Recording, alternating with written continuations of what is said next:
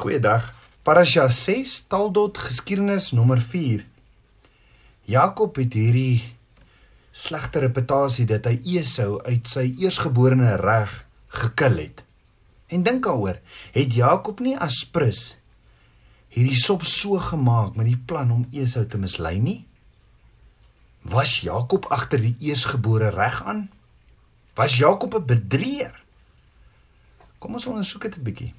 Genesis 25 vers 29 tot 33 sê en Jakob het 'n kooksel klaar gemaak en Esau het moeg uit die veld gekom. Toe sê Esau vir Jakob: "Laat my tog sluk van hierdie rooi goed daar, want ek is moeg."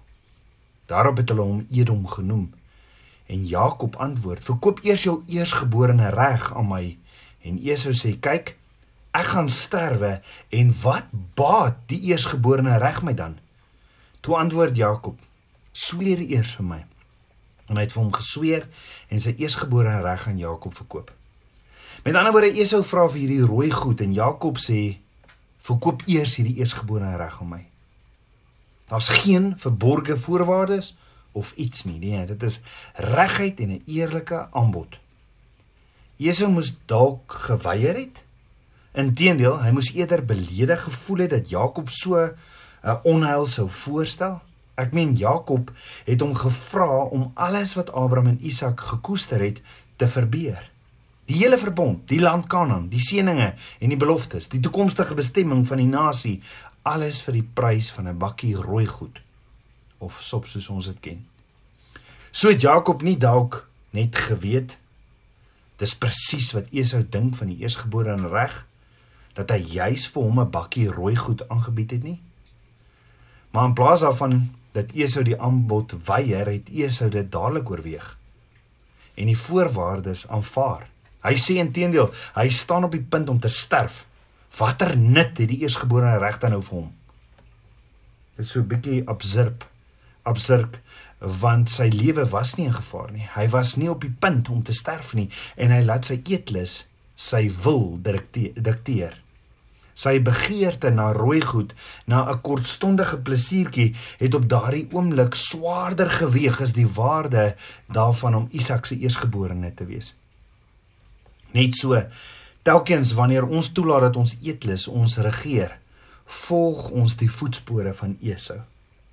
'n Disipel van Yeshua moet nie toelaat dat sy begeertes na rooi goed of na 'n kortstondige plesiertjie sy besluite dikteer nie want sien die kanse om jou eersgeborene reg in die koninkryk van God te verag is dan baie groot. Let wel, 'n disipel word voortdurend in 'n posisie geplaas waar hy waar hy moet besluit tussen waarna hy smag en wat reg is. Maar iemand wat deur sy eetlus beheer word, is 'n goddelose man. Alle forme van materialisme en hebsug val in hierdie selfde kategorie. Sommige mense begeer mag, beheer en aansien. Ander sal weer vind dat fisiese verslawing en dwelmmiddels hul besluite in die lewe bepaal. Vir baie mans en vroue is seksuele versoekings die rooi goed of kortstondige plesiertjies waarvoor hulle bereid is om hulle geestelike eersgeborene reg in die gedrang te bring. Nou al hierdie dinge is tekens van die gees van Esau. Hebreërs 12 vers 6 tot 7 sê: Laat niemand 'n hoereder wees nie of 'n onheilige soos Esau wat vir een spysgereg sy eersgeborene reg verkoop het. Want julle weet dat hy toe hy ook later die seën wou beerwe, verwerp is want hy het geen geleentheid vir berou gevind nie al het hy dit met trane vurig begeer.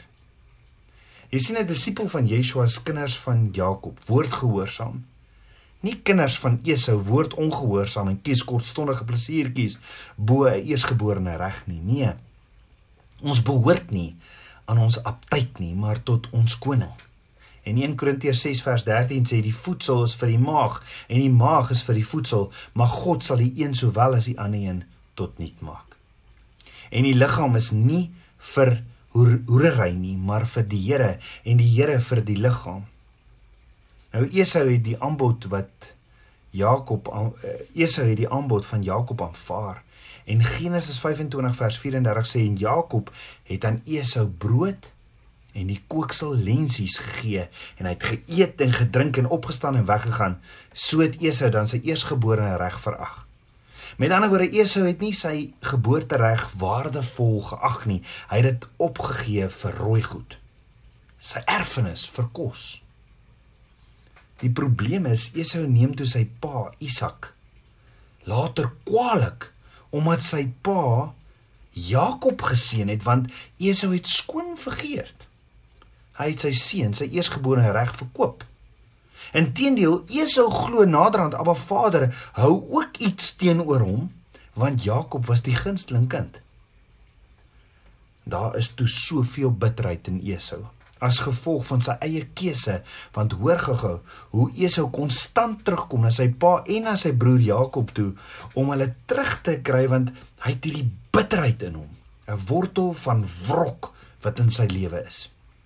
In Genesis 28 vers 6 tot 9 staan toe Esau sien dat Isak Jakob geseën en hom na Padam Aram weggestuur het om daar vir hom 'n vrou te gaan haal terwyl hy hom geseën en hom beveel gegee het met die woorde jy mag geen vroue die dogters van Kanaan neem nie en dat Jakob na sy vader en sy moeder geluister het om na Padam Aram te gaan. En toe Esau sien dat die dogters van Kanaan sleg was in die oë van sy vader Isak het Esau na Ismael gegaan en Mahalat die dogter van Ismael die seun van Abraham die suster van Nebalot by sy vroue vir hom as vrou geneem Nou, Esau het alreeds twee vrouens gekry na hy van die sop geëet het. En daar was 'n bitterheid, 'n wrok in Esau teenoor sy pa. En die vraag is: Hoeveel wrok het jy teenoor jou pa of jou ma? Hoeveel bitterheid is daar in jou oor dinge wat jy ook mislei was deur? Want sien, as Esau gesien het wat Jakob bly gemaak het, het hy net gegaan en die teenoorgestelde teenoorgestelde gaan doen. Hy het die wortel van bitterheid teenoor sy pa en sy broer en die vraag is hoeveel keer doen ons nie ook goed om ander te spyt, maar eintlik verwoes jy jouself nie. Die wortel van bitterheid vermorsel en baie van ons is kwaad vir Abba Vader.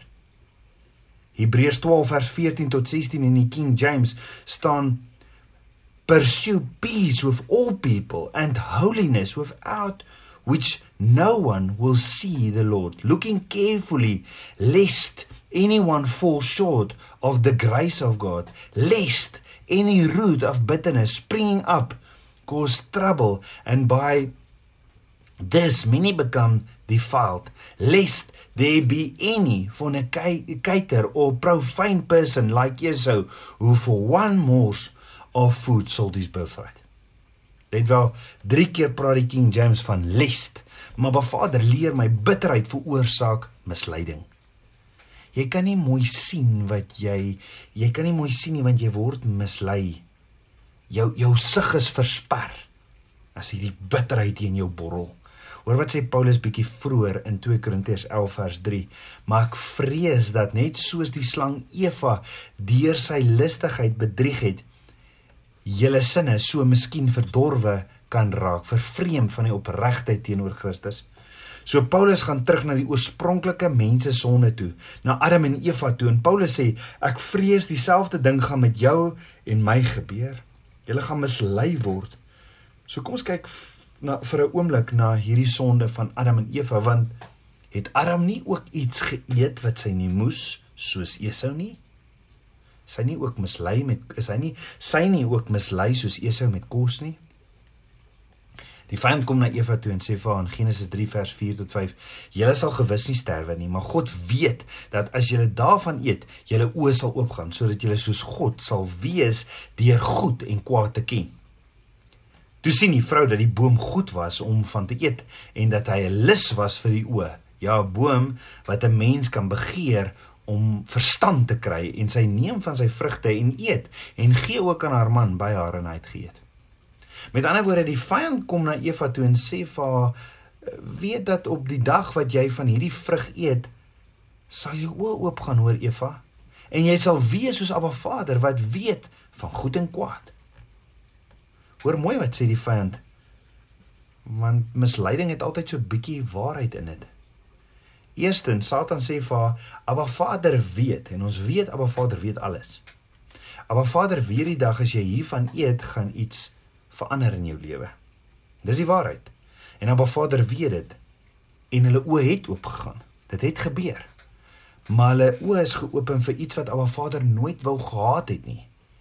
En dit was vir vrees, vir skande en vir kwaad. Die vyand sê dat Abba Vader weet dat julle oë sal oopgaan en julle sal soos hy wees. Nou hierdie is natuurlik 'n leuen want die hartseer van hierdie leuen is ons is al reeds soos hy. Hy het ons gevorm te Lem Elohim volgens sy beeld Genesis 1 vers 26. So wat die vyand doen is hy sê as julle dit doen sal julle iets kry wat julle nie het nie, maar as 'n gelowige het ons al reeds alles gekry om 'n lewe van goddelikheid te verkry, want ons is geseën met alle geestelike seënings in die hemele in Yeshua Efesiërs 1 vers 3. So die vyand sê hulle oë sal oopgaan sodat hulle soos Abba Vader sal wees deur goed en kwaad te ken. So net om hierdie leuen bloot te stel. Hulle het klaar goed geken want hulle het elke dag met hom gepraat. Sy naam is God. Ons kry die Engelse woord vir God van die Latynse woord good.